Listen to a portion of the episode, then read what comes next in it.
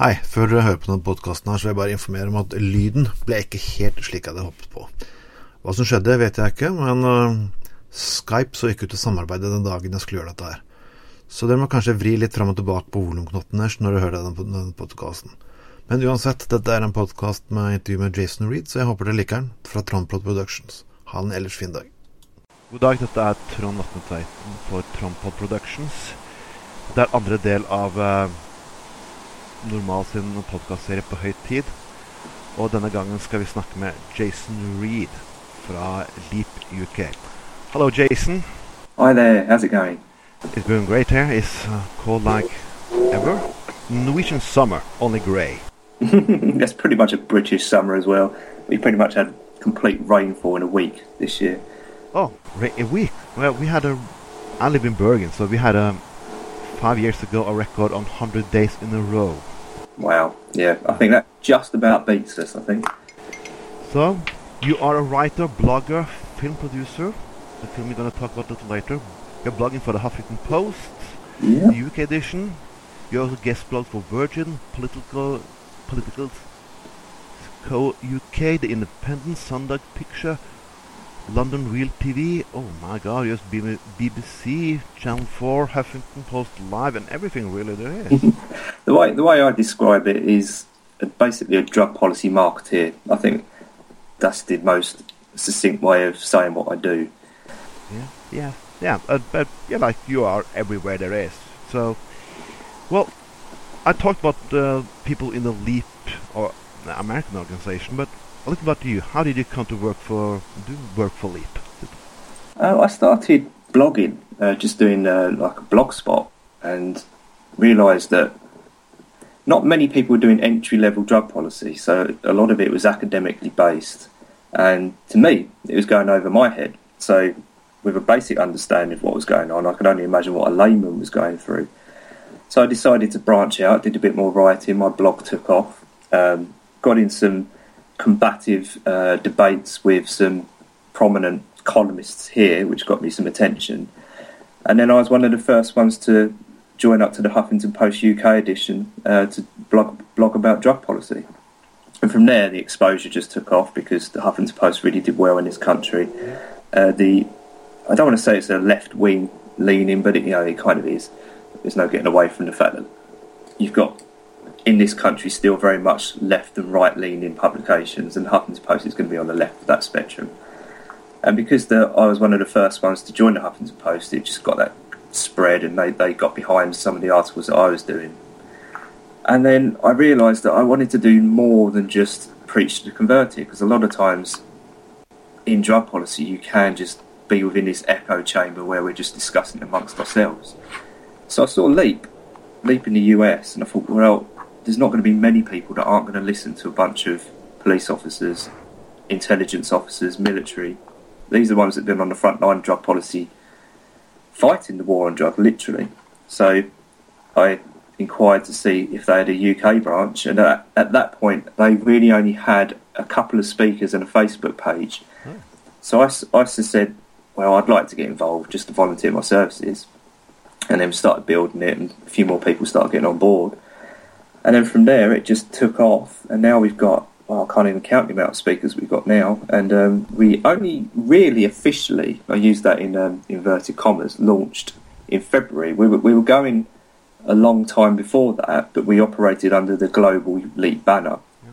But to get some really good coverage and leverage, it really does help to have regionalised branches so that you know we know our media, we know the the way that our cultural system works, so that we can do things within that.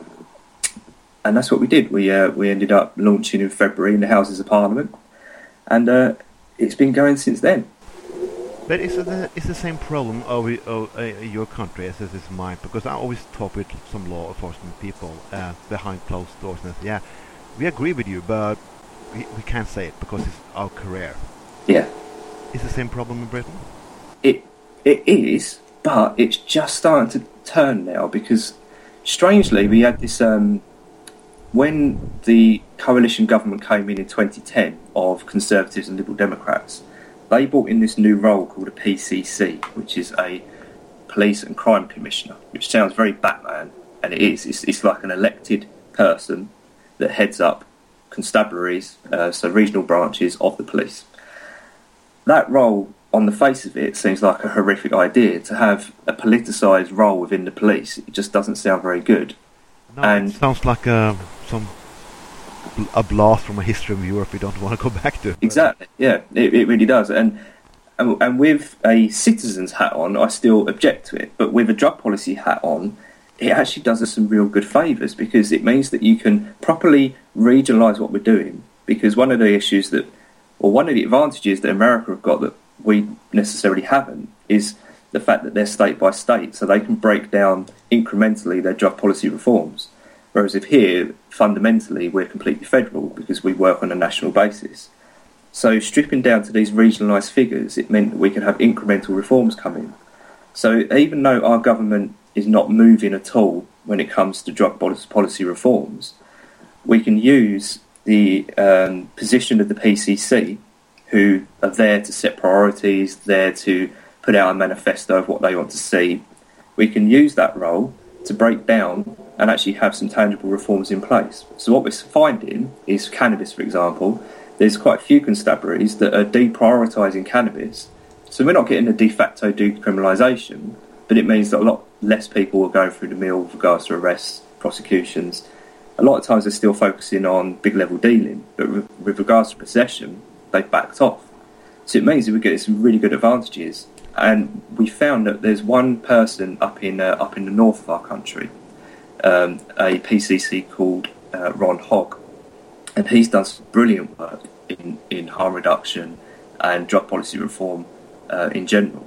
And he was the first one to go on record saying, right, we're deprioritising cannabis. We're going to make sure that we apply resources to where it needs in society. And sure enough, they've been they've been rated uh, the best in the country. So, but through that pre- deprioritisation, it means that we're actually seeing better results in other areas of crime. But you, you, you know, and you have a, a new government, uh, I'm a very conservative one. Very. Too much conservative for my taste, but um, as a member of the Liberal Party of Norway, everything is too too conservative for me. But how do you think that's going to change? Because now Britain goes after the European Union and so on. Which consequences would that have for uh, drug policy of Britain? it is a strange time here now. It really is. No one's really quite sure what's going on. Um, in 2010, when we had the coalition government, again, we'd never really had a coalition before, so it was new ground, and it turned out to be pretty advantageous. Um, the Liberal Democrats that were there to uh, alongside the Conservative Party really did ameliorate the, the, the hard edge that can come in with that with that right leaning government. So there was a good spread. You know, everybody. It was a middle ground, and the middle ground seemed to work quite well.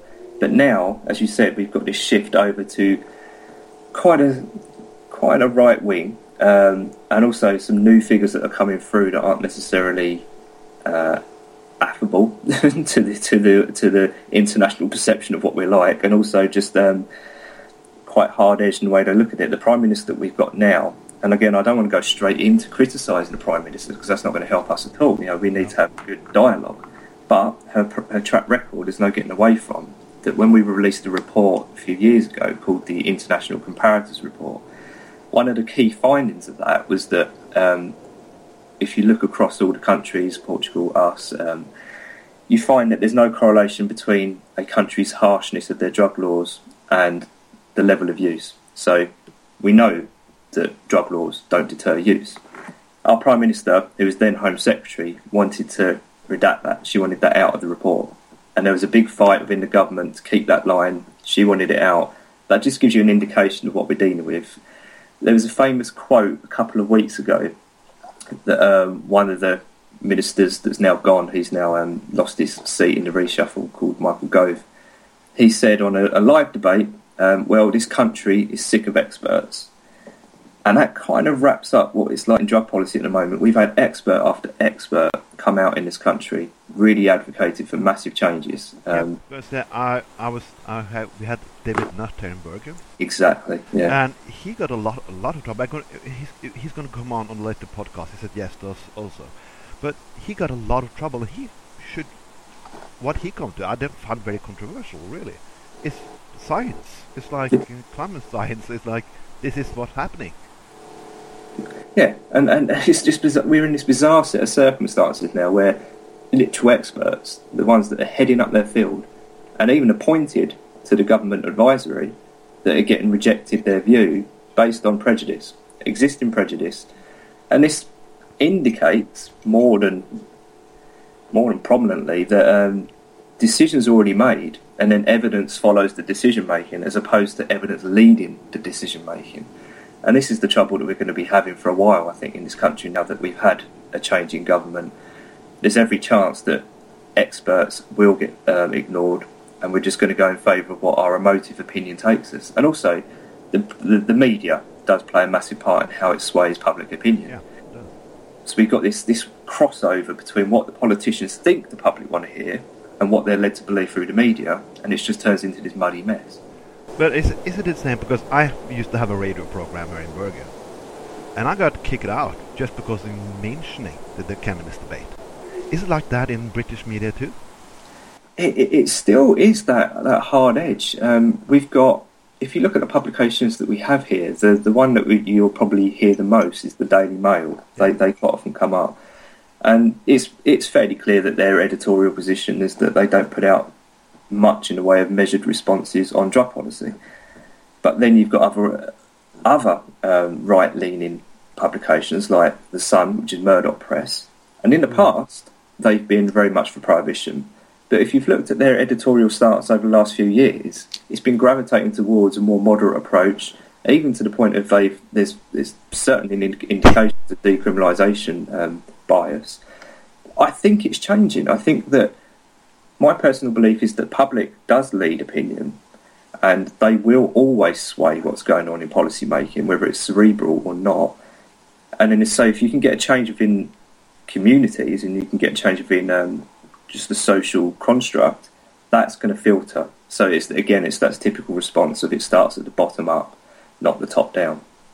Yeah, because for me it's often been the debate about the debate.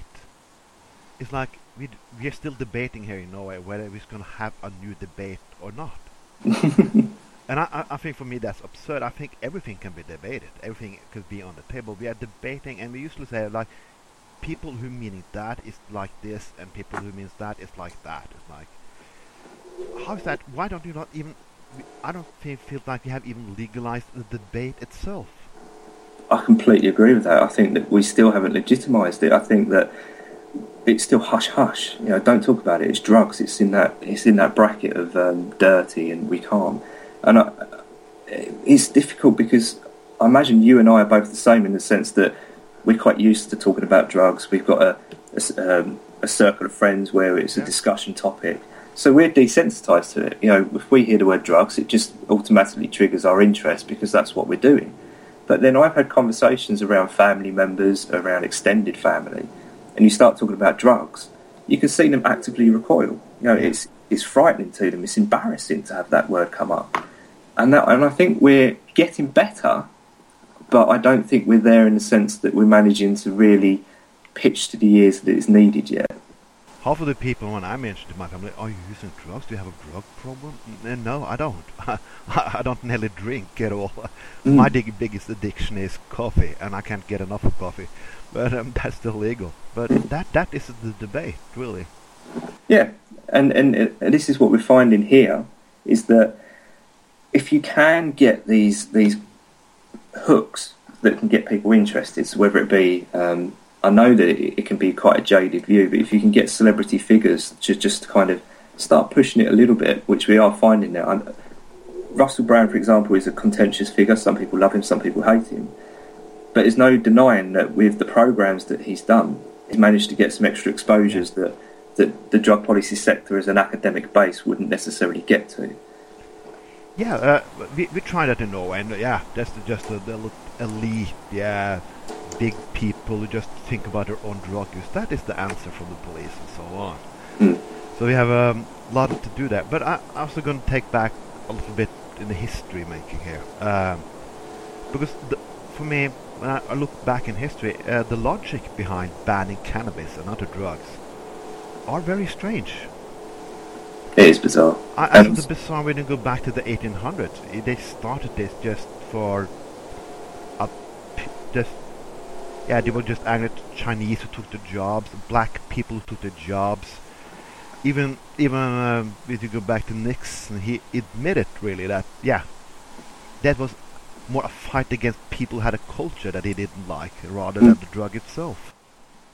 you find that prohibitions do, in some way, dovetail to a prejudice. So, you know, we can use the Harrison Act, for example. That was there.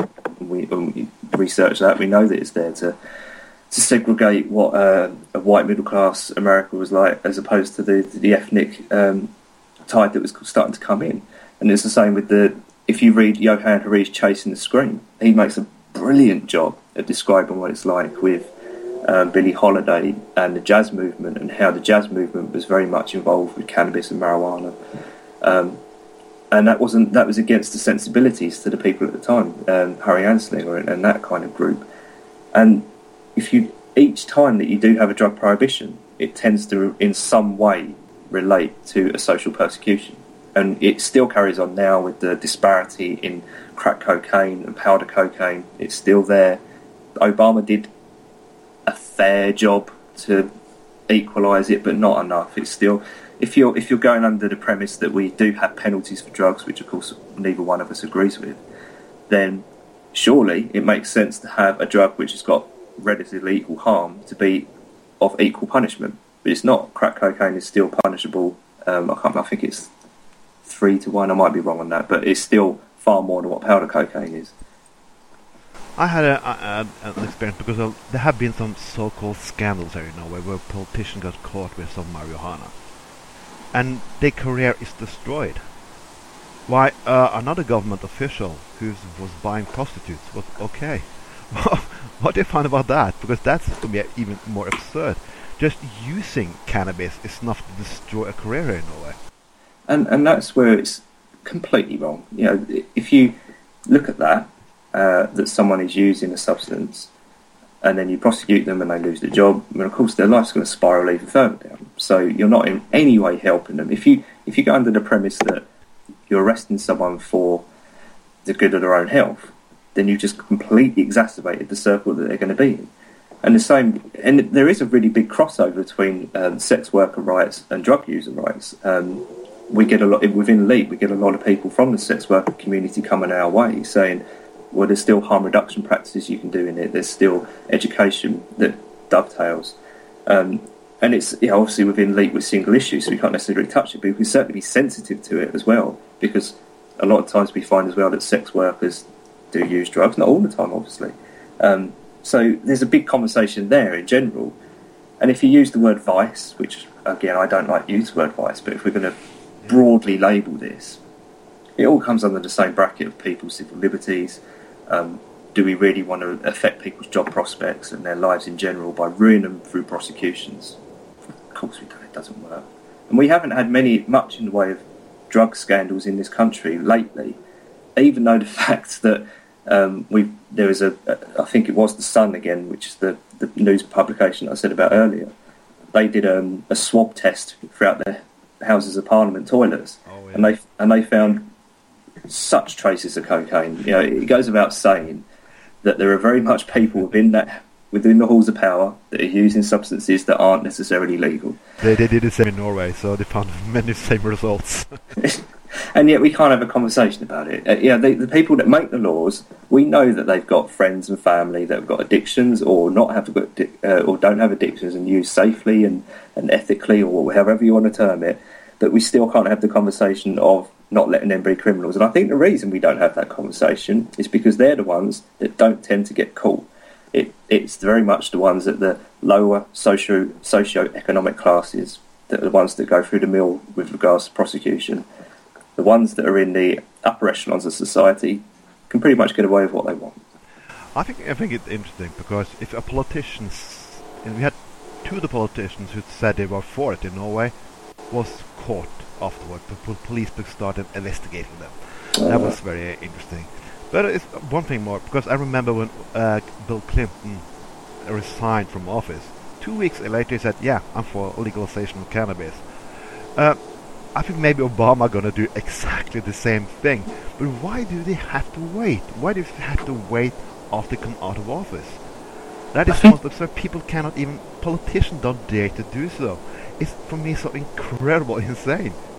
It is difficult because I mean, on one side, I completely agree with that. That it is so frustrating to just put your colours to the mast. It, it's really not that big a deal, and I think most people just would not care if, if a leader came out and said, "Right, we need to do this." I think most people go, "Okay, I'm, I'm, I'm with that." I think there's not enough support to keep prohibition in place, and I think there's a lot of support to end it. Now, I think one of the reasons that we don't have politicians and people of power coming out while they're in there is the political system itself, because a lot of times you find that our leaders are not necessarily there having a free voice. You know, they're beholden to their to their party, to the whips. Well, obviously they, they set the whips mandate, but the whips are very much integral to the what what goes on.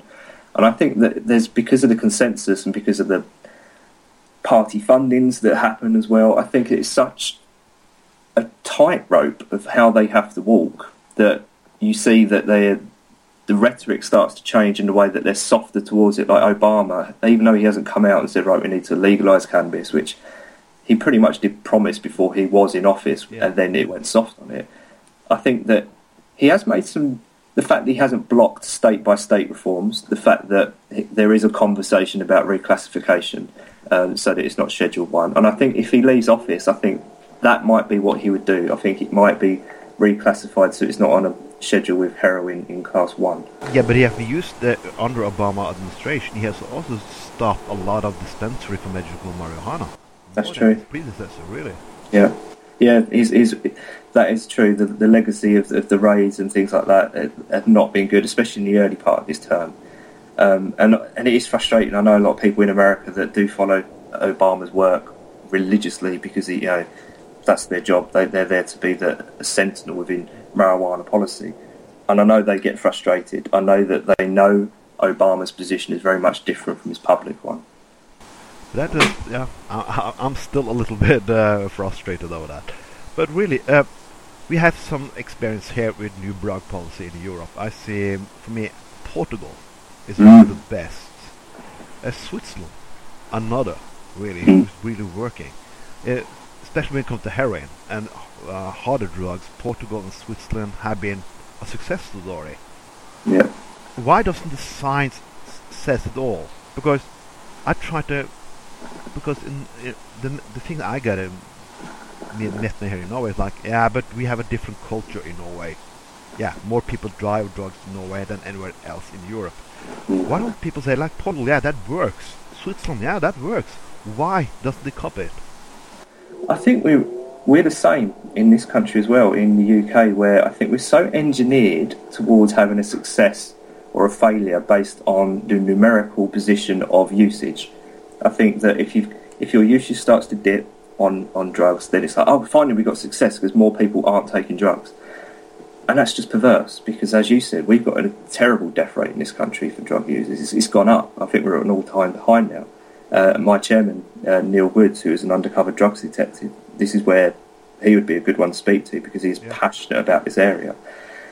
And I think that once we got this perversion in our mind that the only way to measure a successful drug policy is through the dip of use, it's a very bad road to go down. And as you said, when you look at even um, Sweden, Sweden that's got a, a very harsh drug policy to the point where in this country the laws are on possession. So if you're caught in possession, that's when you could go through the uh, in through prosecution. Whereas in Sweden, you can have it in your system. You know, if, if it's detectable within your urine or blood, then you can be prosecuted. Yeah. So it's a, just asking that because somebody, some people in this country said that Sweden is a success story. What's your comment to that? Again, just look at their death rates. Their death rates, I think, on a par or worse with us. Uh, I did check them the other day, actually. Uh, there's a great blog um, from Transform Drug Policy Foundation. If uh, I'll try and quickly find a, a link yeah. to it so that I can speak about it. But they they they're frustrated on this issue that the fact that people do um, use Switzerland, uh, sorry, Sweden as a successful model, and you have to then weigh up what that means. Well, if you want a complete erosion of civil liberties, then it's a success. if you want a complete um, overhaul of how we perceive harm, then it's a success because, like I said, it's driving death rates up. I don't personally think that that's a success, and I don't think that many people in the country, which even though the UK is quite conservative, we we still are liberal leaning. And if it gets to the point where we're having drug policy, which means that the drugs in your system allows uh, the state to invade your life and prosecute you, I don't think this country would stand for that. I think that's when we would go, hang on a minute, things have gone a little bit awry. So the worse it gets, the, the, the almost stronger reform gets, if that makes sense. In Norway, the, the, the scandals often are found by high schools. They go after students, uh, musical festivals, and so on, with search dog and everything. And they make big headlines every week that they found some drugs in the festival, and they stop people, and so on, and so on, and so mm. on. They have had them, They make contracts with young people, like if you keep on the, admit that you have a problem, and you go to therapy, and everything. It's like admit, admitting you have a problem and you don't necessarily have one. Yeah, and this I just starting in found, Norway now. That's obviously this is basically very hard against civil liberties, exactly. and is very to the left. So how can you explain that? And I've just found, uh, so if people want to see that Sweden report, just Google drug policy in Sweden, a repressive approach that increases harm. And that's the Transform Drug Policy Foundation that does a very good analysis of it. And, and as you said, you do have to weigh up civil liberties to freedom and also the harms that come within that. And there is a, a broad conversation within that. But if you could compare Sweden to even Ireland now, Ireland are progressing really well. Our neighbours, they've gone for, they're probably going for a decriminalisation across the board. They're talking about supervised injecting sites. Um, there's talk of medicinal cannabis and potential further cannabis reforms. And it's quite strange. You'd, you'd imagine the UK to be in that position before Ireland. And the fact that Ireland are going before us indicates that we really are behind in the UK now. Um, and fair play to Ireland. I, I really hope they go ahead with it because I think it would be very useful to them. But how does the public see this? Because I bet I know you have a liberal party. Where's the liberal party of Britain in this? Because well, liberal party this this should be their ag- agenda. We had the coalition government in 2010, which was fronted by, as I said, the Conservatives and the Liberals. Unfortunately, after that, because of some of the decisions that went took place in there, the Liberal Party got wiped out in the 2015 election. So we've only got, I think it's eight now, and it was something like 58 before that. So they lost around 50 MPs. Oh shit. Yeah, so they they they really took hammering, and it was um, and now retrospectively, um, people are looking back and thinking actually that was quite unfair because um, the Liberal Party, a lot of people have got um, quite a nostalgic view on them now because they realised that they were there to temper the um, the hard right that was coming through. Um, but they've still been really good. They've been really active on drug policy. They've seen that there's not a niche there for a political party in drug policy reform because they've been championing the issue for a long time. But there certainly is vote winning in champion drug policy, and you could argue that that's what happened in Canada with the Liberals and and the new prime minister there now that's making some pretty massive legalisation in quotation marks. I think we're going to get there, and the Liberal Democrats in this country again put out a report, um, or they they basically manifestoed the issue of drug policy reform, especially cannabis. They they really nailed their colours now. They've gone right. We're championing this issue. This is ours, and it's only really the Liberal Democrats and the Green Party that are doing that. The rest of the, the rest of our political parties are still wishy washy. Don't know how to decide it. Um, there's there's chance and there's there's ways that we can help bring the change around within the parties, but Not the Liberal Dem- Labor, Labor Party, people Like- for the low mid class people, working class people, not even them. You'd expect it, wouldn't you? You would think that they would understand what the socio-economic issues are within drug policy. And the new leader that we got, which is Jeremy Corbyn, who's a contentious figure, some people love people hate him. Um, really did. He before he was in office, he completely got it. He he's on record uh, a um, independent, no International Drug Policy Consortium (IDP). He did a speech with them um, I think it was about 2009. I might be wrong, but he he again completely gets it. He understood decriminalisation. He understood the need for it. But unfortunately, it's that same thing again. That once he's in office, he has to put that policy out to the people that are there to shadow the arguments. So the Home Secretary, they then have to make the decisions. They have party consensus. So the leader can set an agenda, but if the party consensus isn't necessarily there, and because the Labour Party was so bad previously under Gordon Brown, those are the ones Oh, that yeah. re- reclassified cannabis to a harder position Oh, God. uh, through the whole Professor Nutt debacle. It doesn't really. It, it gives you an indication that the Labour Party still aren't really there to grasp the nettle yet. They still haven't got it. I just have to back back because again, this was Nixon's war. That's uh, that's why I wonder how the liberals and the labor movement and the people who left just follow the same argument as as an administration. That that's what I don't get. They do the same here in Norway too. Like, no, no, this is not your history. It's the far right's history. Why are you hmm. following them in these questions? What what happened during the war that I didn't get? Exactly. And this is, you could argue that this is a, a wider issue that if anything, then the rest of the country leads because of how integral they are to the UN and how much that dictates policy. And see the effects of it here that, I mean, I don't want to start spreading this issue out into other, into other sectors, but a report came out here recently how we precept.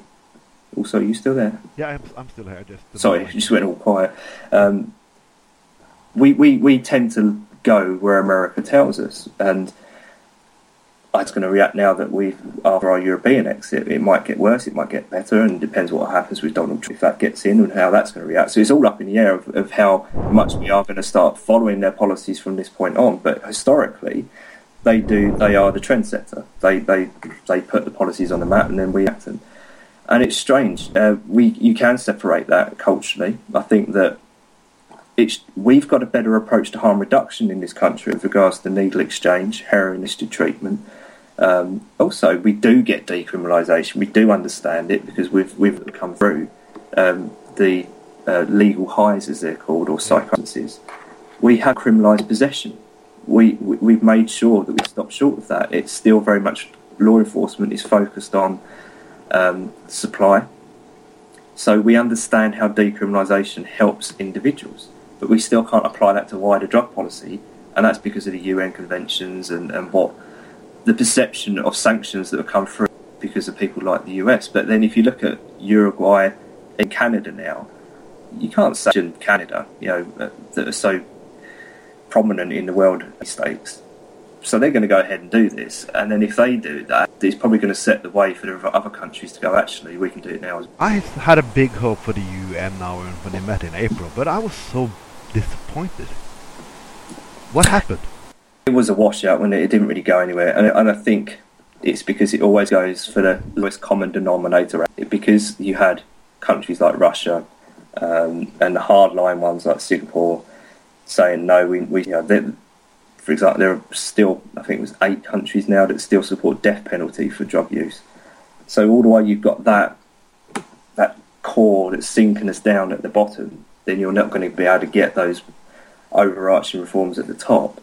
So it, unfortunately, it is going to be have to be an international consensus to some degree. We can still, we probably will segregate at some point because ideolo- ideologies are so separate.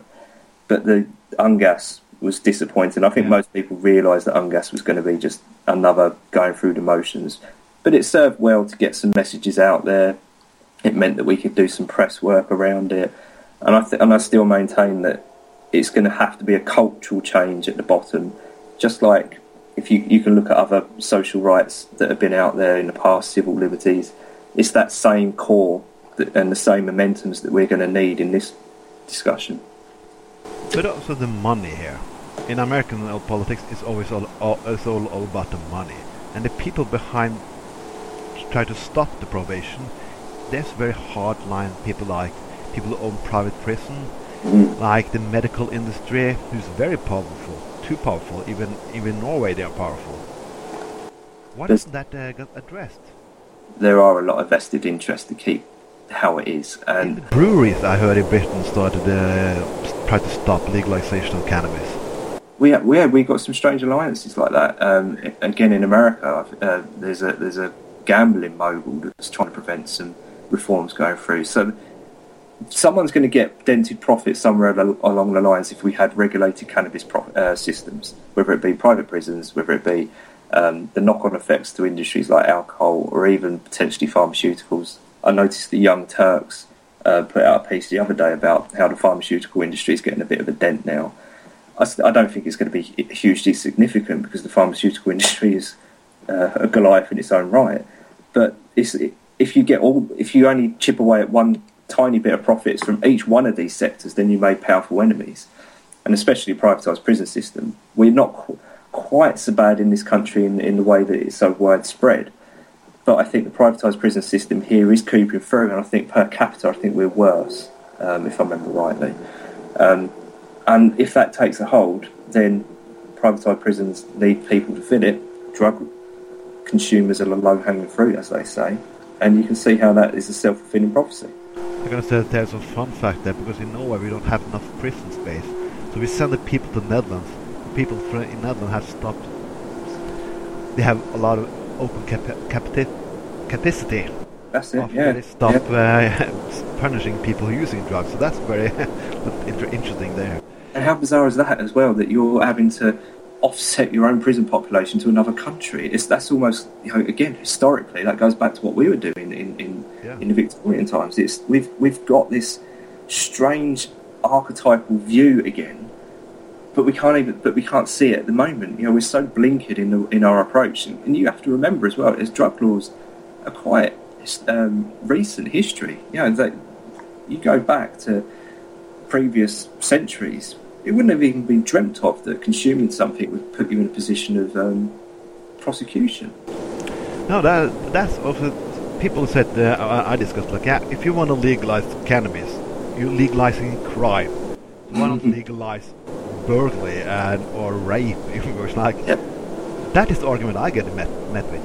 You want to legalize criminal acts. There's quite a simple response to that as well. Um, because we, we've got ways of differentiating law. We know that, uh, uh, obviously, in our conversation, we're very much aware that someone that's smoking cannabis or maybe injecting drugs for whatever reason is certainly not going to be the same as someone that's burglary, uh, burglary or rape or murder. But if you want to separate that by law, we've got a thing called mala in se, which is an evil in itself, which is murder, rape, burglary. It involves a victimised yeah. crime. And then you've got mala prohibitum, which means that the state has seen it fit to sanction something, prohibit something, and therefore it's, you can get prosecuted for it. So we know that there's separate laws, but we shouldn't even need to explain that because it's just, you know, it's such a moot point. Yeah, um, I, I have a problem, but this is still a legitimate argument, even from the left to the right uh, mm. in the politics. So, yeah. the conservative government now, they don't want to legalize anything. They they believe in more jail time. Really? Stop young people. They have putting. They want. They want forced testing at school sometimes. Oh, you're kidding. No, I'm not kidding. So this is a realm that really worries me is, is uh, mandatory testing because again, if you go down that route, you're going down the Swedish route. You're going down an erosion of civil liberties, and there needs to be a respectable buffer between state and citizen. And you're because if, up the prisons. Yeah, yeah.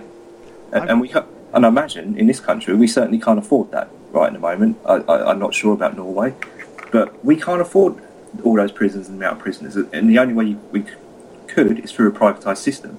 And again, if we're going down that route, then it's a scary realm. I don't want. Uh, I'm pro business, but I'm not business on everything when it comes to health, schools, and prison. I'm I'm not.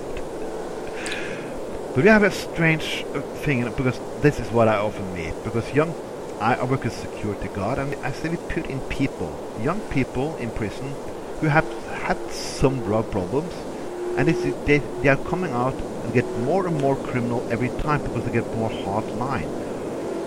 How how can we really defend a system who just use, use the when they use the prisons as like high school fed criminal education? Mm. And with having a bit of a conversation. Well, we were having a conversation on that here. Michael Gove, who's now left government, he was he was putting uh, judicial reform and prison reform on the map. and we had some great documentaries that came out as well on our on our national TV and our channels about what the prison system does to an individual and how it perpetuates harm. I don't know how we can get outside of the the mentality that prisons are in any way, shape, or form re- rehabilitation because they're just out and out not. Once you go in there, it's going to be very difficult to get your life back on track. And there's a, an organisation here called the Howard League for Penal Reform that are brilliant at this. Yeah, they're they're arguing for less prisons, more in the way of intelligent sentencing, um, and also just as you said, education because it's it's needed. If you can go in, if you if you've committed a crime, um, which there are plenty out there that you can do. If you do get prosecuted for it, um, and the chances are you're not going to be able to get your life back on track because of what that prosecution does. I think it's um, uh, one of the Leap founders called um, Jack Cole. Um, one of his one of his sayings is that if you've got a, a drug conviction, um, now let me get this straight. You can you can recover from a conviction but you can't. No, you can recover from an addiction, but you can't cover recover from a conviction. Sorry, I completely messed that up. But you get the idea. Yeah. Um, it's it's easier to pro- arguably, and I don't want to belittle anybody's um, plight of what they've gone through in fighting an addiction because it's you know that needs utmost sensitivity and respect. But it's true that you can make a case that if you have got a conviction to your name, your life is going to be so much harder to get on with, especially in America, because of, you know you're not going to be able to go to college. So how do you get your life back on track from that point? So you can see how it's a self fulfilling prophecy that once you're on that road of criminality, it's only going to get worse from that point on. Yes, also it's enormously expensive you can use um, helping people with problems. Mm. Uh, and this is what happened in Portugal. They managed to apply their budget from a from a criminal justice over to a health, and they're not going to be turning back. You know, they, they've realised that this works. And again, in Ireland, they're going to be doing the same. Yeah. I think we're getting there in this country in the sense that we're starting to realise that we're going to, if we apply our resources to health as opposed to prosecution, it has benefits. But I think it's going to be a softer approach. I think it's going to be done through a bit of a um, a backdoor action as opposed to it just being hailed in the papers. I'm going to take some issues from Norway now because the, there's a lot of discussion here about what is the result of the Colorado and Washington drug policies. Uh, the people are against legalization. They oh, it, it went to hell. It's failure. We don't have to do that in, in Norway. What is your opinion on that? Or what is the science says about that? it's better to ask. It's, it's, it's certainly interesting because I think one of the things, if we're pro drug policy reform, then I think we do need to contextualise it that there is no one size fits all. I think we do need to be go. There can be a tendency to say, right, all reform is a success, but it's how you, you measure that multi criteria analysis. So Colorado have done brilliant on their taxation. Um, I can't remember what it is now. It's ridiculous amounts of taxation they've managed to roll in, which some of it's going to school, some of it's going to rehabs. Um, some people are saying that there's a little bit of a failure in the sense that of marketing. Uh, they've not learnt from tobacco and alcohol marketing like we have in this country, where we've limited it now. Um, we don't mind regulating things in this country in the sense that we don't tend to, yeah, we're socialist leaning, and we don't use the word socialist as, as a dirty word. Whereas in America, um, in America, they, they very much still view socialism as a, as a um, a kind of a throwback to an era that wasn't useful. um, whereas uh, once they realise that socialism doesn't mean what they think it means, it just means a bit of more of a social awareness. And and with the taxation process, it's great for accumulating that that can go back and roll in. But you can do things as well to ameliorate the marketing. So if you look at Uruguay compared to Colorado, Uruguay, Uruguay have gone for that state regulation model, which means that it's in the hands of the state. They're going to grow, they're going to distribute, they're going to set the taxation level so that it's just right to get some profit, but at the same time that it's not pricing out the black market because you need to think in terms that if you set a taxation too high, can it enforce the black market? There is some evidence that this, the black market exists in Colorado, but it's early days. You can't, there isn't going to be that right. We've sorted it out now. This is going to be a work in progress for a lot of time. We've we've had a prohibition in place for so so many decades. that we're going to need to understand that incremental steps are going to get us to where we need to be. So Colorado are doing great and a great success. Um, I don't think it's a model that we're necessarily going to employ, employ in the UK. I think that we're more likely to go for a softer approach like the Spanish social club model or even a mix between Uruguay state model and Spanish social club Uh, model. yeah, explain that social club mo- model. Uh, not many, all of my lis- listeners knows what that is. Oh, it's, it's very interesting. This is the one that um, I've got a, quite a lot of faith in personally. Um, we've got a social club movement in this country as well um, called the United Kingdom Cannabis Social Clubs, uh, UKCSC. And what it is, in Spain, it started under a constitutional um, loophole. They realised that they could get together these collectives. So uh, if you're in a town, you can get a few people together and you can grow and distribute your own cannabis between you, um, which again is just forms a very rudimentary Spanish social club. That then took off and started going into a bit more mainstream. So if you go into, I've, I've never personally been to Spain, but I know a lot of people have. So you can go into a club or a bar, and there'll be a little doorway that is very discreet, which takes you into a back room, and that's where the social club model is. And they've got all the cannabis there, so it's very discreet. It's out of the way. It's not intrusive to people that have that have got sensibilities against it. Um, and it's it's just that it's a cooperative. It's a selective group that have gone right. We're going to play a certain amount to be into this. We're going to be autonomous between us, um, and we're just going to get on with it. And that's what Spain did. And we've started to do that in this country. Obviously, we can't do it legally um, in this country, but there's a, there's a movement here to get that softer regulation in place, which means that the consumers know the strain potency, they know they can test their own, they can set their own pricings, um, they can tag their plants as well so they know what genetics are in place. If you put this in the hands of the people and the consumers that know cannabis, and let's face it, I think we both know there are a lot of people out there that do know cannabis. Yeah. Um, why wouldn't that be a good regulatory model? You know why we have a regulatory model? Uh, because alcohol stronger than uh, 22% have to be sale at the state monopoly. Mm. So what we are talking about in Norway, like we want cannabis in that model too. Yeah, yeah, it makes sense. We have a we have a ban on commercial for alcohol, which also works fine. So that is the Norwegian model. We have of state shops, uh, usually in every city there is. They tried to limit it uh, 20 years ago. That only felt the more smuggling. The smuggling is not that big now. So they have a state job. Is that is that a model? Like we have that in Norway and Sweden already. Just apply to also using cannabis. Would that be a good idea? Yeah, I, th- I think you can learn from um, previous health success. Uh, health success in these coun- in this country is tobacco. We've lessened tobacco through education, through um, setting a pricing limit, which some people will argue that it's again unfair on the poor because you're pricing things out of their um, level of what they can pay. And it's a difficult it's a difficult balance because how do you set a pricing limit that makes you realise that actually this isn't good for me, therefore I have to consider if I want to pay that much to do something that's fundamentally against my own judgment on health. But at the same time not persecute the people that are that are on the lower socioeconomic classes anyway. Um, but tobacco as a health policy has been a success here It's because of taxation, because of plain packaging, because of um, we've limited the marketing of it. You could apply that to cannabis easily as well. You could set minimum pricing. You can set a plain packaging in the sense that again, it doesn't have to be on the high street branding in front of children. It can be discreet. We can set the rules on it. And if you're starting from scratch on a regulatory process, you can do what you want with it to make it how it works for the community. It just makes sense.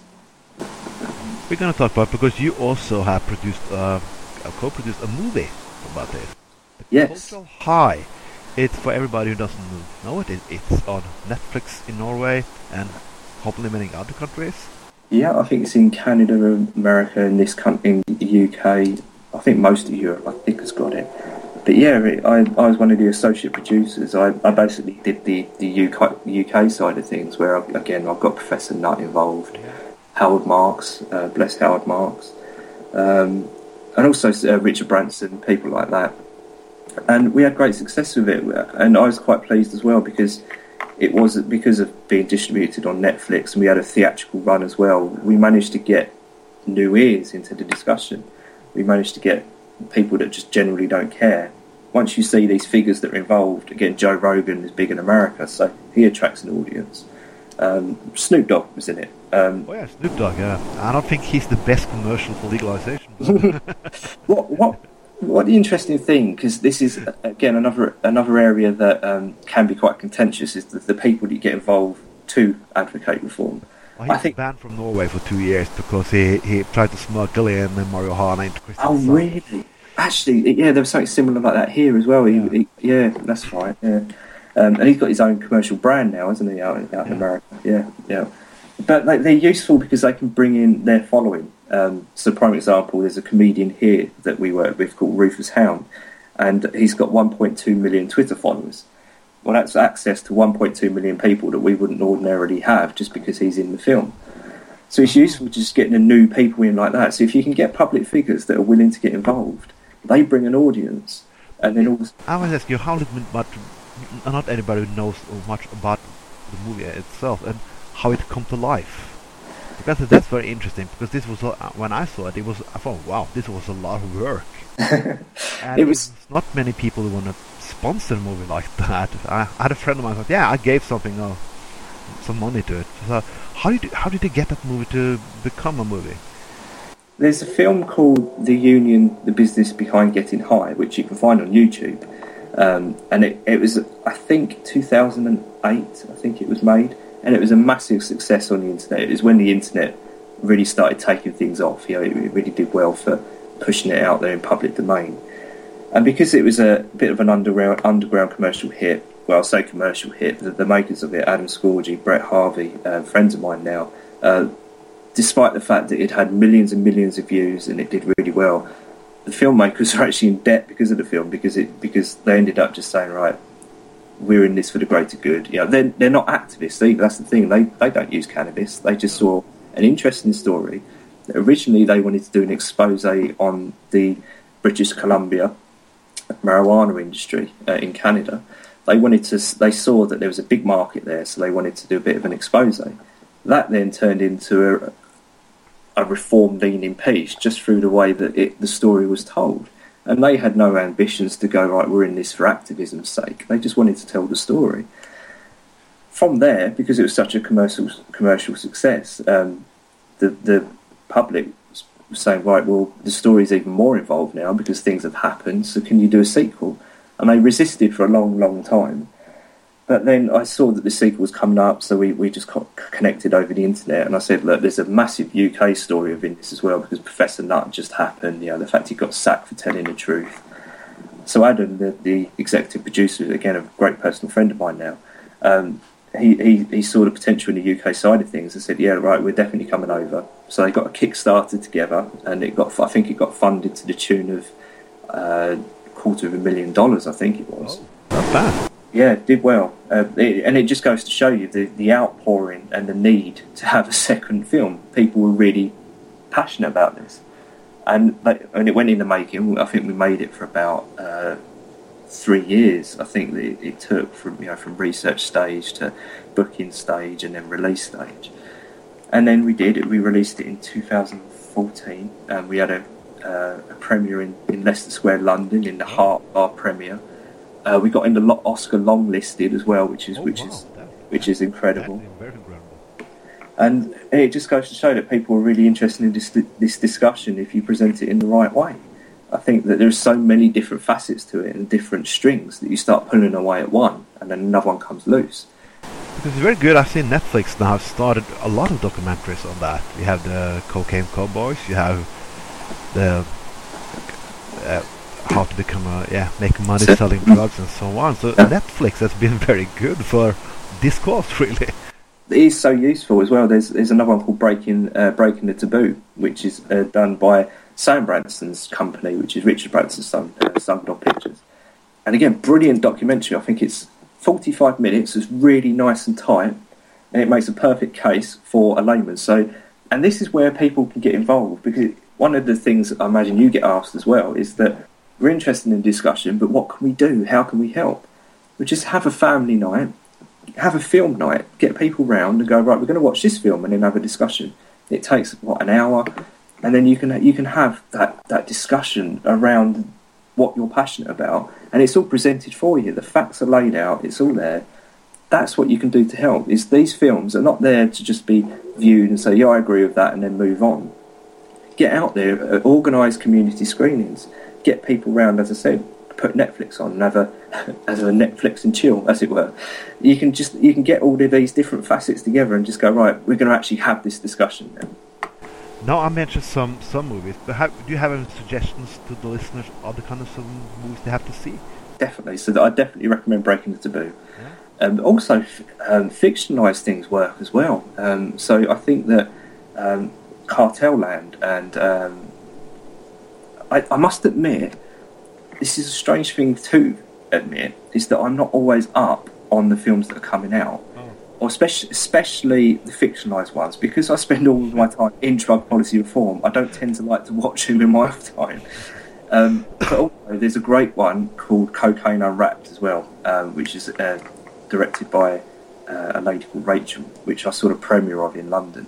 And again, really recommend that because it goes into the environmental impacts of eradication in Colombia it goes into how women are disproportionately treated in prisons as well, because a lot of times women are focused on because of being couriers of drugs. They're the easy targets. So there's a lot of disproportionate um, levels of women in prisons in places like Colombia and, and Latin America. Um, and these are all aspects that we don't necessarily always address within drug policy of how much policies affect groups differently. So women, children, um, environment. These are all things that we need a discussion about as well. I, I, I, thought I was going to take that earlier, but I saw uh, something that uh, I will try to pick up here in the end. It's massive, but the death tolls of uh, Mexico mm. now was over 100,000, I think, since 2000, 2007. That's it, yeah. I think it's more than that. If, if that same amount of people have been died, killed in terror attacks, we'd be on alarm already. We've been changing politics already. Why isn't anything changing when you see the death tolls so much? You can you can go to Venezuela, you can go to Colombia, you can go to the American state, and the death tolls are extremely high just because of the war. Why isn't it changing? Exactly. I I wish I knew because I I, I kind of literally lose sleep over this of why have we gone so far off the rails that we can't see 100,000 lives being lost in somewhere, in some part of the world that's pretty close to us all, you know, in, in some cultural sense, and yet we're still not doing anything about it. And the only thing I can put it down to is the fact that it's a complicated issue that most people don't understand yet. Yeah. And I think that's where our jobs come in of making people realise and presenting this in a moderate way as well, not shouting, not going, look what you're doing by prohibition that doesn't help either. We need to go. Actually, look, things are really going bad here. And I'm probably just... getting my anger all back because I'm so mad right now when I see the results. mm, it's easy to do. One of the, it's I think it's instinctual to go in with anger because of just how frustrating it is and and literally how heartbreaking it is the fact that there are so many deaths. But if you speak to um, an elderly person on the street, they're not going to understand it if you come straight in with shouting. They're if their position was already made up on drugs, that drugs are bad, then instead of having a conversation about it, their back's going to go up, and they're just and you're going to have a defence against a defence. Yeah. That doesn't help. So if we can just have a moderate conversation of that this really does need addressing, and it's the way that you present the issue. I think a lot of times, and I don't think we necessarily have got the presentation just spot on yet on the end of this podcast, I'm gonna give you a reason to plug something, you know, books or something you write or things you got to read or watch. You mentioned some movies, but more, since you're a writer, is it something you have to read? Some web places we have to visit, or to be more informed that you can recommend? There's so much to recommend. I mean, uh, there's so many organisations in this country that do brilliant work, like Release.org and Transform Drug Policy Foundation and if, if you fancy having a read of what we do at, yeah. at Leap, uh, ukleap.org, um, a lot of times the blogs and the, and the articles that I write get rolled into there, so it just gives you an idea. But one of the projects that we're really excited about at the moment is um, a podcast that we're doing as well called um, stop and search, uh, which we've done cheaply, tongue in cheek, towards the horrible, insidious policy of stop and search in this country. Um, because we're a police organisation, we almost want to clutch that issue and go, hang on, we really, really need to speak about this. And what we're doing is audio documentaries, rolling news, also getting the public figures involved, as I was saying, that, so we can bring extra people along. And we're doing this under the Distraction Pieces Network, which is a rapper in this country called Scroobius Pip. He's lent out his uh, network to us so that we can get extra exposure. And it's really working. We're doing quite well on it. Okay. Oh, thank you for having me, uh, being on, uh, Thank you so much.